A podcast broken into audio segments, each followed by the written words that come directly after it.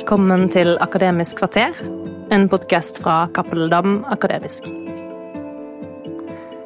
Å skrive faglig kan være kilde til både glede og frustrasjon.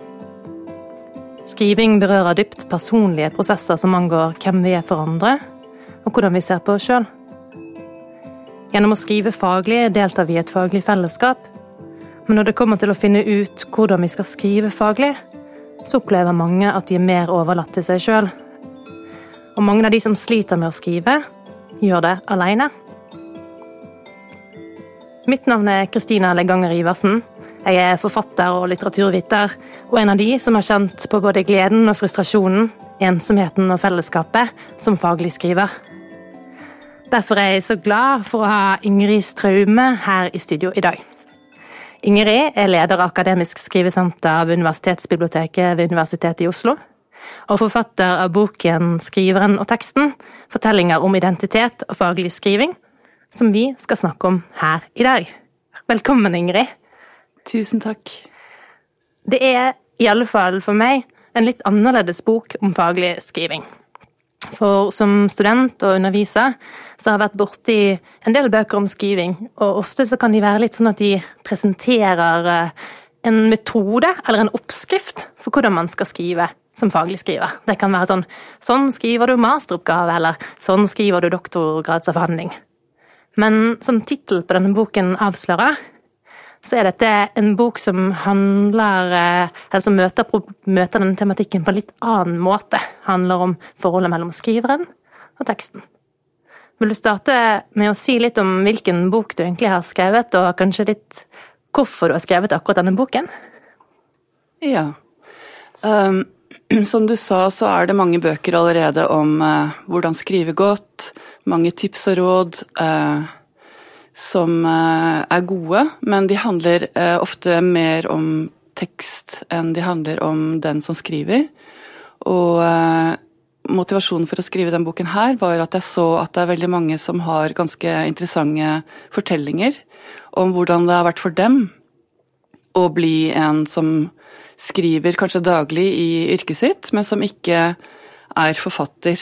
Så det var de fortellingene som jeg gjerne ville ha fram og eh, belyse med teori og um, også erfaringer som, som, jeg selv har gjort.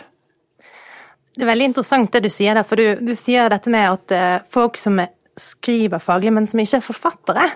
Og tittelen din er jo nettopp 'Skriveren og teksten'. Um, og i hvert fall, Jeg er jo, jeg er litt, liksom, litt, forfatter på, på siden av, men, men, jeg tenker at ordet 'skriver' det syns jeg var veldig godt å se Samtidig er det jo et litt nytt ord, for, for en del ikke så vanlig i, i språket. Vil, vil, du si litt om, om, om hva, hvorfor du bruker dette ordet i tittelen, og hva som ligger i dette begrepet skriver? Mm. Det er et veldig godt spørsmål. Um, det speiler uh, egentlig det mer kjente ordet leser. Fordi uh, vi har et, et ord for de som leser, men når det gjelder de som skriver, så er det Eh, de valgene man har i det vanlige altså eh, vokabularet som er mer allment brukt, det er jo at man enten er forfatter eller skribent. Altså at man har det som profesjon, eh, som journalister har. Eh, eller så er man bare en Ja, vi har ikke noe ord for å snakke om de som skriver mye i jobben sin, eh, og som kanskje egentlig skriver mer enn de gjør andre ting eh, i det norske språket. Men eh, på engelsk så har vi jo 'writer', og det brukes veldig ofte. Og det var egentlig det ordet jeg eh, ønsket meg. Eh, ønsket å ta i bruk. Skriveren er jo et litt kunstig ord, kanskje, fordi at du har jo Altså når jeg googler boka mi, så kommer det opp skriveren, ja da er det en eller annen printer.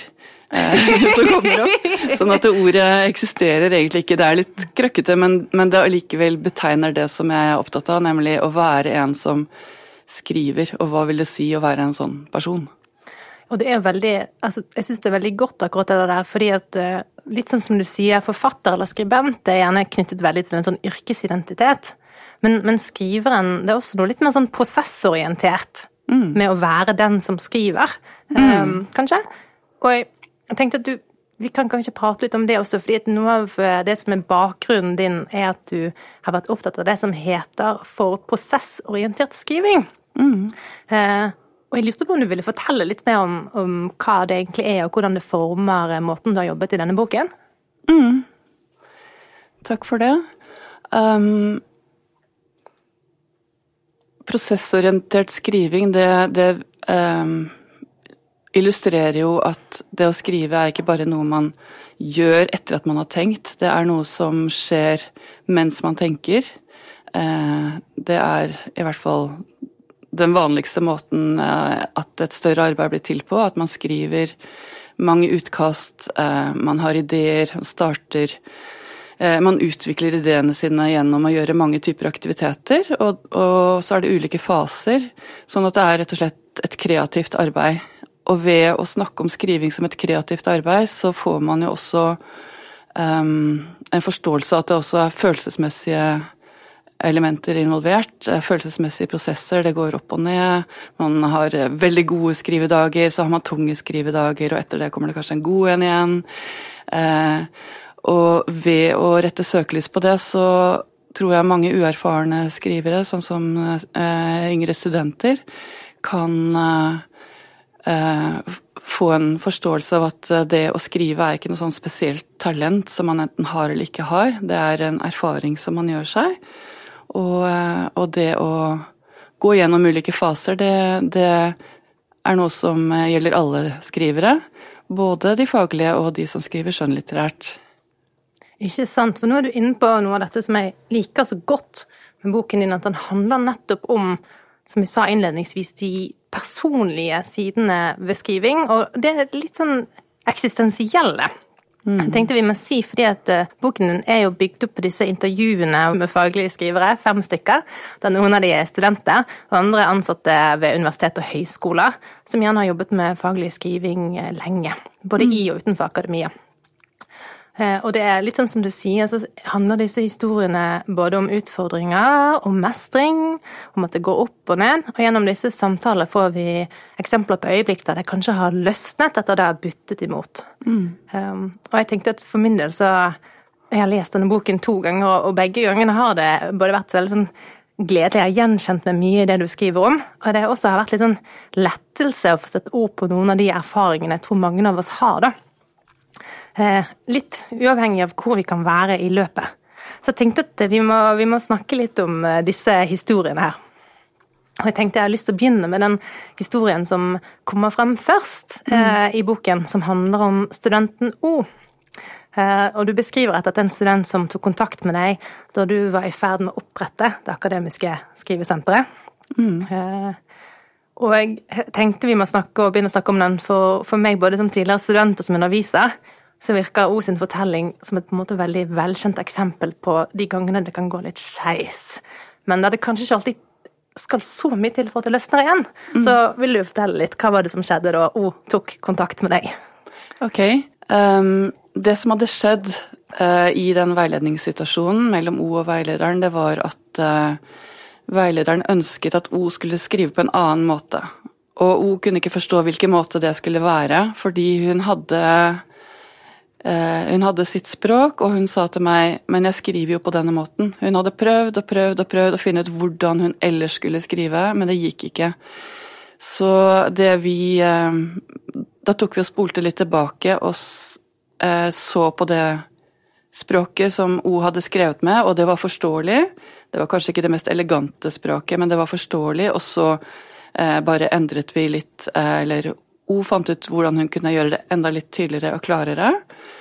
Eh, og eh, i stedet for å prøve å skrive på en annen måte med et annet språk, så eh, fant hun ut at hun kunne bruke sitt språk.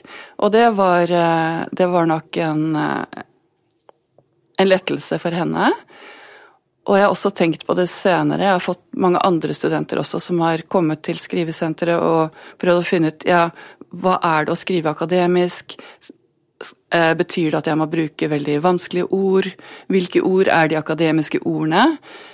Eh, en annen gang så var det en student som spurte meg ja, hva er viktigst, er det det at jeg skriver sånn at man kan forstå, Eller må jeg bruke vanskelige ord? Og da var det jo veldig enkelt å si du må selvfølgelig bruke ditt språk. Selv om det er enkelt, så må vi kunne forstå det. Så poenget er at eh, det å skrive akademisk, eh, det er en kommunikasjonsform. Det er eh, ikke om å gjøre å gjøre det vanskeligere eller fint. Og det kan være en lettelse for, for uerfarne studenter å oppleve. At de kan bruke det språket de har. Og egentlig er det, det er ikke noen annen vei. Altså, du må bruke det språket du, du har. Du har ikke noe annet til rådighet. Jeg syns det er veldig interessant det du er inne på der. For jeg tror noe av det som mange studenter erfarer, er jo at det er, eh, det er et, eh, et, sprang fra den måten de er vant til å skrive på fra, på videregående, som gjerne har vært god nok der, til den måten de skal skrive på når de kommer på universitetet. Mm. Men så er det ikke alltid så lett å skjønne akkurat hva er det man eh, må gjøre annerledes. Fordi mm. det er mm, Eh, litt sånn som du skriver i boken, så er det ofte noen sånn formelle krav som blir kommunisert tydelig. Mm. Altså at man skal sitere, og man skal referere. Um, men så ellers så kan det være, kan være litt vanskelig å forstå tilbakemeldingene man får noen ganger, da. Uh, og det kan være litt fordi vi sikkert som, uh, vi som underviser også kan gi litt ulike tilbakemeldinger. Og da kan det også være at jeg tenker at dette med språket blir en sånn ting der man, man kanskje man, man, prøver å eh, imitere noe, en form for akademisk man har man hørt. det. Jeg kan som en anekdote fortelle at på et fag jeg underviste i på nordisk litteratur, der skulle studentene levere en kvalifiseringsoppgave på nynorsk. Eh, og så hadde de lært at på nynorsk der måtte man skrive veldig aktivt, man kunne ikke bruke sånn passivformer eh, så mye. Og så var det flere studenter som da spurte men kan man egentlig skrive akademisk på nynorsk? Mm. Eh, fordi at de knyttet liksom det å skrive akademisk til å bruke et litt sånn det man kanskje vil kalle kansellibokmål, mm. der man er veldig passiv, og der man har veldig lange setninger. Og, og det er ikke så rart, fordi man eh, Hvis man ikke helt vet hva det er som skal til, så, mm. så, så kan man gjøre sånne slutninger. Hun kom, og hun hadde eh, ja, Veilederen tok kontakt, hun kom, og det hadde på en måte gått litt Det hadde gått litt sånn eh, til trått. Det hadde liksom, de hadde støtt litt mot hverandre, eller ikke støtt mot hverandre, men de hadde ikke helt klart å forstå hverandre og komme videre. Mm. Uh, og det kan jo, det kan jo skje. Mm. Det er mange grunner til at sånne ting skjer. Men mm. så skriver du i boken at en av de teknikkene du, eh, som du og O prøvde ut, mm. det var høytlesning. Mm. Vil du fortelle litt om, om, hvordan dere brukte det egentlig? Mm. Det er jo noe av det enkleste som fins. Mm. Altså, vi ber eh, I skrivesenteret så ber vi eh, studenten, eller spør om de har lyst til å lese teksten sin høyt, og det har de ofte. Og når man gjør det, så hører man jo hva som står der. Så man bruker en annen sans enn bare synet. Mm. Du har kanskje sett, sett og sett og sett på teksten, men når du hører det, og når du prøver å lese det, så merker du også ok, denne setningen ble for lang, eller eh, setningene kommer i feil rekkefølge, og det merker man i korttidsminnet sitt, at eh, ok, her er det egentlig her burde jeg flytte denne setningen opp, f.eks. Det er en veldig veldig enkel teknikk for å um, for å oppdage hvordan teksten er for en leser, fordi man blir jo leser av teksten sin, eller lytter da, mm. til teksten. Det jeg også tenker jeg er viktig med denne boken og den, den måten du skriver om, den litt mer sånn prosessorienterte fokuset. At man, for sånn som for O sin del, når du beskriver hvordan O kom inn, så, så skriver du også at, eh, at, at O hadde veldig sånn dårlig selvtillit på teksten sine vegne, eh, og at mange mm. kanskje det er lett å ha sånn fokus på sånn, å nei, dette er en dårlig tekst, og jeg får ikke til å skrive en god tekst. Mm. Mens med liksom det mer prosessorienterte fokuset så kan man flytte oppmerksomheten til ok, hvordan kan jeg jobbe på en Eh, en god måte å prøve ut ting mm. med denne teksten jeg har. da. Mm. Og det er liksom Høytlesning er et av de mm. tipsene du kommer med, som, som, jeg tror ganske mange av oss egentlig kan benytte oss av. da. Mm. Men ja, var, hun var ny, hun var eh, student, hadde på en måte gått litt trått. Eller ikke, hun var ikke ny, hun var ikke så ung, det er noen, nei, hun var ikke så ny, det er noen andre nyere studenter. Men mm. det er også en del historier om Eh, om folk som jobber i akademia, eh, og som eh, har følt at de har liksom naila skrivingen før, som student. Mm, mm. Jeg tenker på historien til A, mm. som er en ble beskrevet som en kvinnelig akademiker som opplevde at det gikk veldig fint å skrive som student etter at hun på en måte knakk kodene, men så ble det Mm. komplisert igjen. Man skulle skrive doktorgrad. Mm-hmm. Eh, eh, det var en periode der det var, liksom, det var lite søvn, og det var en del utfordringer. Eh, hun brukte altfor lang tid til å liksom begynne å skrive på doktorgradsnivå, for hun måtte Mm-hmm. liksom finne ut på nytt igjen eh, hvordan hun skulle skrive. Vil du fortelle litt eh, om du vil fortelle litt om A, og hva det var som på en måte hjalp i hennes tilfelle? Eh, man kan jo sammenligne det litt med det som eh, skjedde med O. Altså at man tenker at oi, nå er jeg på et nytt nivå, nå må jeg gjøre noe helt annerledes enn jeg har gjort før. Eh, men man vet ikke hva det er, fordi eh, ja. Eh, man ser kanskje utenfor seg selv at noen andre skal vise en, forklare en hva, hva dette er. Altså at man kanskje ikke stoler på at den eh, stemmen og den, det drivet man har, bærer. Da stopper det jo kanskje litt opp, rett og slett. Ja. Eh, da kan det stoppe opp. Um, det som har overrasket meg veldig når jeg har hørt eh, kolleger og eh, bekjente fortelle om hvordan det har vært å skrive som forsker, eh, det er hvor, hvor eh, vanskelig det har vært for mange. Og det vet også eh, de fleste som jobber i forlag, at det er mange som strever veldig med å skrive, eh, og som eh, erfaren forsker så kan det kanskje være vanskelig å innrømme.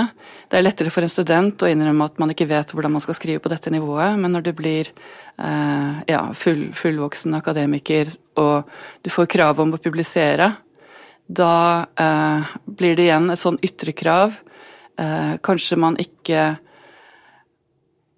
Kanskje det ikke springer ut av et ønske om å si noe selv, men at, at det er et ytre krav som er pålagt, og, og som man må oppfylle.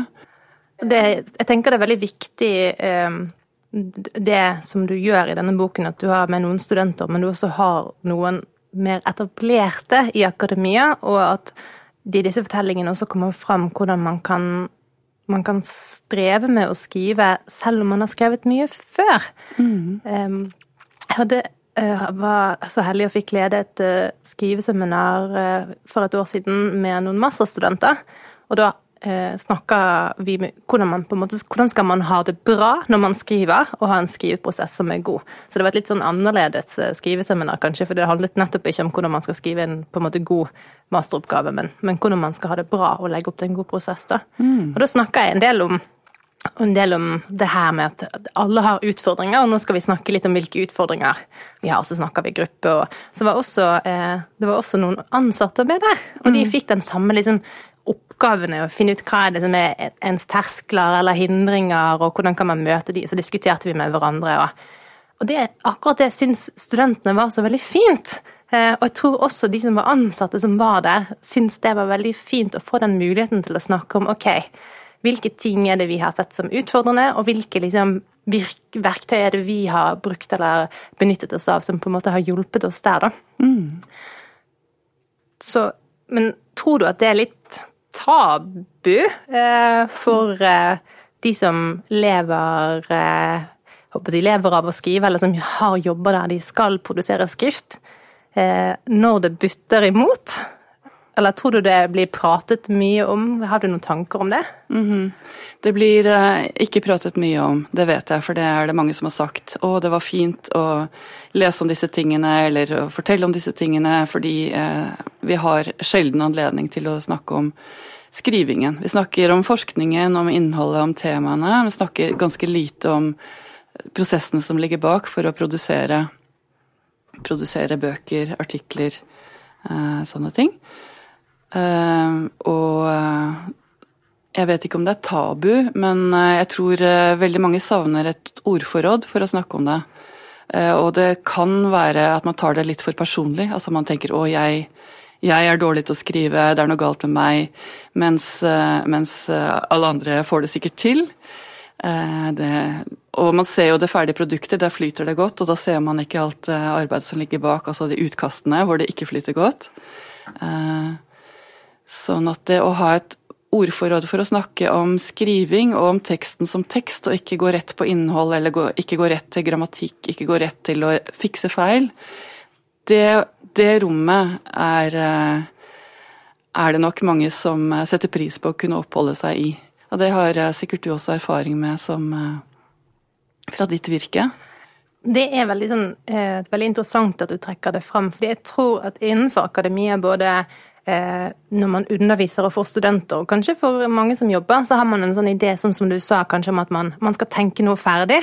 Mm. Eh, man skal forske, og så skal man skrive ut resultatene sine. Mm. Og så har man det som en veldig sånn delt prosess. Men eh, fordi aller fleste som skriver skjønnlitteratur, og også ganske mange som skriver litterær sakprosa, mm. så har man skrivingen som en sånn form for utforskelse. Og det beskriver du også eh, i boken, at sånn vil det for mange være veldig fint å jobbe med faglig skriving også. At man skriver et utkast, og så setter man seg ned og tenker man hm, hva er det egentlig jeg har skrevet her? Mm. Og jeg tror noe av det som du er inne på, er at, at veldig ofte så vil man oppdage ting mm. i teksten sin at man tenkte man hadde skrevet noe, men så står det kanskje noe annet. Og der, mm. der den, det gir noen sånne utviklingsmuligheter eh, som man kan ta vare på på en god måte hvis man, hvis man også eh, får tilbakemeldinger som kanskje ikke handler bare om akkurat om skrivefeil, eksempel, eller Men jeg tenkte vi skal snakke litt om det.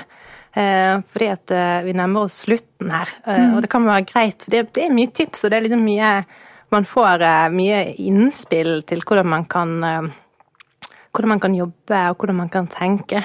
Så jeg tenkte sånn, hvis du er liksom for eksempel Hvis du er en student som Oda, og det har stoppet litt opp Vi har kanskje alle vært der sjøl, spesielt når vi skal skrive bacheloroppgave eller vi skal skrive masteroppgave, og vi, vi leser og leser og leser, mm. men det er så sykt skummelt å skulle begynne å skrive, eller vi har skrevet masse og vi tenker det er bare kaos, og nei, kommer ingen plass, eller mm -hmm. man har fått noen tilbakemeldinger man ikke skjønner. Mm. Hva, hva, kan man gjøre egentlig, da? Som student? Som student. Det, har du noen tips? Jeg har ganske mange tips. Mm -hmm. Det kan være lurt å å bestille den type respons som man trenger. Altså Hvis man skal til veileder, så ikke bare levere hele utkastet og, og gi, gi alt hele styringen til veileder, men, men, prøve å finne ut hva er det jeg lurer på, hva er det jeg trenger at du ser på nå. Um, altså å ta kontrollen over skriveprosessen uh, selv. Fordi man vet ofte mye mer enn man uh, uh, Ja, man, man, har jo Man vet jo ganske ofte hva som ikke fungerer, eller hva som ikke er bra. Eh, det man trenger, er hjelp til å komme videre. sånn at man trenger ikke å bli påpekt ja, her var det uklart og sånn. Det vet man veldig ofte selv. Eh, ja, så bestille den responsen man trenger. Dele utkast med, med folk som man stoler på. Eh, besøke skrivesenter hvis man har muligheten til det. Snakke med andre. Ikke holde på teksten til man tenker den er ferdig, for da vil man jo ikke ha noen innspill uansett. Det er sant. Mm. Er det lov å si sånn f.eks. til veiledere at eh, å, oh, shit, eh, nå har jeg skrevet masse, men, men jeg syns det er litt kaotisk. Eh, mm. Kan du lese, så kanskje kan vi snakke om det sammen og få litt orden, f.eks.? Eller må man liksom tenke ferdig ting sjøl, tenker du? Det, det, skjer veldig mye i en dialog. Sånn at uh, det å snakke med noen gjør jo at du rydder ganske mye i hodet ditt. Altså, mm. I hvert fall når jeg har snakket med noen om et faglig tema, så går jeg veldig mye og tenker på etterpå hva var det jeg sa, hm, hva mm. mente jeg egentlig med det? Det ligner ganske mye på en, å skrive et utkast. Mm. Man, man, eh, husker hva man har sagt, og så reflekterer man videre, og så strukturerer det seg uh, i tiden etterpå. Så det er egentlig litt jo før, jo bedre med det å vise fram utkast, eller hva tenker du? Ja, det, det, det, kommer litt an på hva slags prosjekt det er. Hvis jeg skal skrive en, en ny bok, så vil jeg ikke snakke for mye om det for tidlig, fordi at eh, da vil jeg ikke ha innspill. Men eh, Så det er jo kanskje en kunst å, å, merke når man har kommet til det punktet hvor man merker at nå kommer jeg ikke lenger, nå må jeg gjøre noe annet. Det er det mm. forresten en av informantene som snakker veldig fint om. Han mm. har lagd seg sånn fin rytme. Nå må jeg slutte å lese, nå må jeg skrive litt, nå kommer jeg ikke lenger, da må jeg kanskje snakke med noen. Eh, og variere eh, aktivitetene, og bare være trygg på at eh, eh, Ja. At prosessen går sin gang, da. Mm. Eh, og prøve å, å, lære seg å følge den, istedenfor å presse seg til å gjøre ting som ikke føles riktig. Det syns jeg er et veldig godt tips, for vi begynte, eller jeg begynte med å si at det er en litt sånn annerledes bok enn en del andre skrivebøker, fordi mange skrivebøker nettopp har sånn eh, sånn skriver du en oppgave, eller sånn skriver du en artikkel. Men, men, noe av det som er fint med de fortellingene her, er at det viser at det finnes mange ulike måter mm. å skrive på. Eh, og folk har veldig ulike forhold til skriving, men at det virker som at det funker når folk klarer å ha den tilliten som du snakker om, til at prosessen vil lede de mm. fram. Mm. Og det tenker jeg som hvis man jobber som f.eks. skriveveileder, eller man underviser i tilbakemelding mm. på oppgave, har du noen sånn tips til Eller har du noen tanker om hvordan man kan hjelpe skriveren til å, liksom, til å ha tillit, eller hvilke typer tilbakemeldinger man kan gi som kan på en måte støtte opp under den prosessen? Mm. Det å gi tilbakemeldinger, det er jo en kunst. Det er ikke så lett. Eh, det krever kanskje litt eh, at man kjenner seg selv ganske godt. Altså at eh, for å bli en god veileder så ligger det en del selvutvikling bak. Det har jo med tillit og trygghet å gjøre til at dette kan vi klare, både veilederen og studenten. Og så er det jo Relasjonen er ganske viktig. Kanskje ikke alle relasjoner kan bli like Altså det er, ikke, det er, ikke, alle relasjoner hvor veilederen er i stand til å sette studenten fri. Kanskje studenten ønsker ting veilederen ikke kan gi. Det er mange, mange elementer her. Um, men noe av det jeg har vært opptatt av også, er at veiledere også trenger støtte. Mm. For de er ikke de har, de har jo som regel ikke noe utdanning i det å være veileder. Kanskje et kurs, og ellers så har de sin erfaring fra da de selv var student. Så det å finne ut eh, hvordan fungerer jeg som veileder best, og hvordan, hvordan kan jeg eh, bruke mine kvaliteter, mine personlige kvaliteter, til å anerkjenne den andre personen som har sine prosesser, det det, ja, det, det er en kunst, tenker jeg. En slags livskunst. Synes... Men som alle kan uh, lære seg. Jeg syns du er inne på noe veldig fint der. fordi at På den ene siden så er det jo ting vi kan gjøre som individ, hver enkelt av oss. Både enten vi er studenter som skal skrive, eller vi er ansatte som skal skrive, eller som skal undervise eller gi veiledning. Men, men det er jo også et system rundt. Mm. Um, og eh, nettopp det der med og nettopp det du sier med at også veiledere kan trenge støtte rundt seg, muligheten til å lære seg ting og utvikle seg og reflektere rundt sin egen praksis, mm. tenker jeg det er veldig, veldig viktig. Mm. En av de første erfaringene jeg fikk med den tilliten som du sier, og hvordan den kan smitte, mm. det var når jeg begynte hadde levert inn, før jeg levert inn et manus først en gang til en skjønnlitterær redaktør. Um, vi hadde snakket sammen et par ganger, og jeg ble veldig, veldig forvirret hver gang jeg gikk derfra. Hver gang jeg gikk derfra sånn Hæ? Hva skal jeg gjøre? Å nei! Skjønner ingenting. Eh, mm. og så et år etterpå så gikk det, det ble ikke noe av det, da. Men et okay. år etterpå så sendte jeg et, et, annet manus da, til en annen redaktør som jeg hadde liksom fått litt tips om av noen. Jeg husker veldig godt på det møtet, så prata vi, og så sa han bare sånn Ja, men dette, dette her blir bok. Og så tenkte jeg sånn jeg er ikke sikker på det, men det at han var sikker på det mm. Jeg tenkte sånn Jeg stoler på deg. Mm. Og bare det å liksom ha den tilliten til at ok, men han her vet det. Han har vært redaktør for mange som har skrevet bøker, og han vet mm. hvordan man skriver en bok, og hvis han tror at dette blir bok, mm. så får jeg også tro at det blir bok. Og så må vi bare prøve eh, å skrive. Og det var ikke alle ting vi var enige om eh, alltid, men hver gang så tok jeg på en måte spørsmålene som han hadde, de liksom kverna litt i hodet. Mm. Og så gikk det litt tid, og så fant jeg en løsning. Mm. Og litt sånn som noe av det du gjør i denne boken, og sånn som du prater om, er å si noe om at den, de prosessene de kan være ganske like, men de krever en form for tilliten. Da. Mm. Og det, det, er veldig, veldig, veldig fint. Mm. å få lese om det når det kommer til faglig skriving også. Det du sa nå, Kristina, om uh, denne redaktøren som uh, på en måte skapte et rom for deg hvor du kunne vokse og finne eh, Du og boken kunne finne ut hva, hvilken form den eh, skulle ha. Eh, det illustrerer jo også at eh, det å bli en, en skriver, en som eh, eh, kan identifisere seg selv som en som skriver, det kan man ikke gjøre alene. Det krever anerkjennelse fra andre, ikke bare veiledere, men også lesere og Eh, kolleger. Eh, sånn at eh, det å tenke på at det er ikke bare et sånn unikt talent som utfolder seg, springer ut av den eh, ensomme forfatteren. Det er rett og slett en sosial prosess mm. eh, som, eh, som eh, er preget av enten anerkjennelse og tillit, eller eh, avvisning og, og, og, og, utrygghet. Så det er ganske viktig å tenke inn de sosiale dimensjonene når, eh, når vi snakker om å skrive. Både faglitterært og skjønnlitterært. Dere har nå hørt en episode av Akademisk kvarter, en podkast av Cappelen Dam Akademisk. Boken 'Skriveren og teksten' kan lastes ned gratis på nett.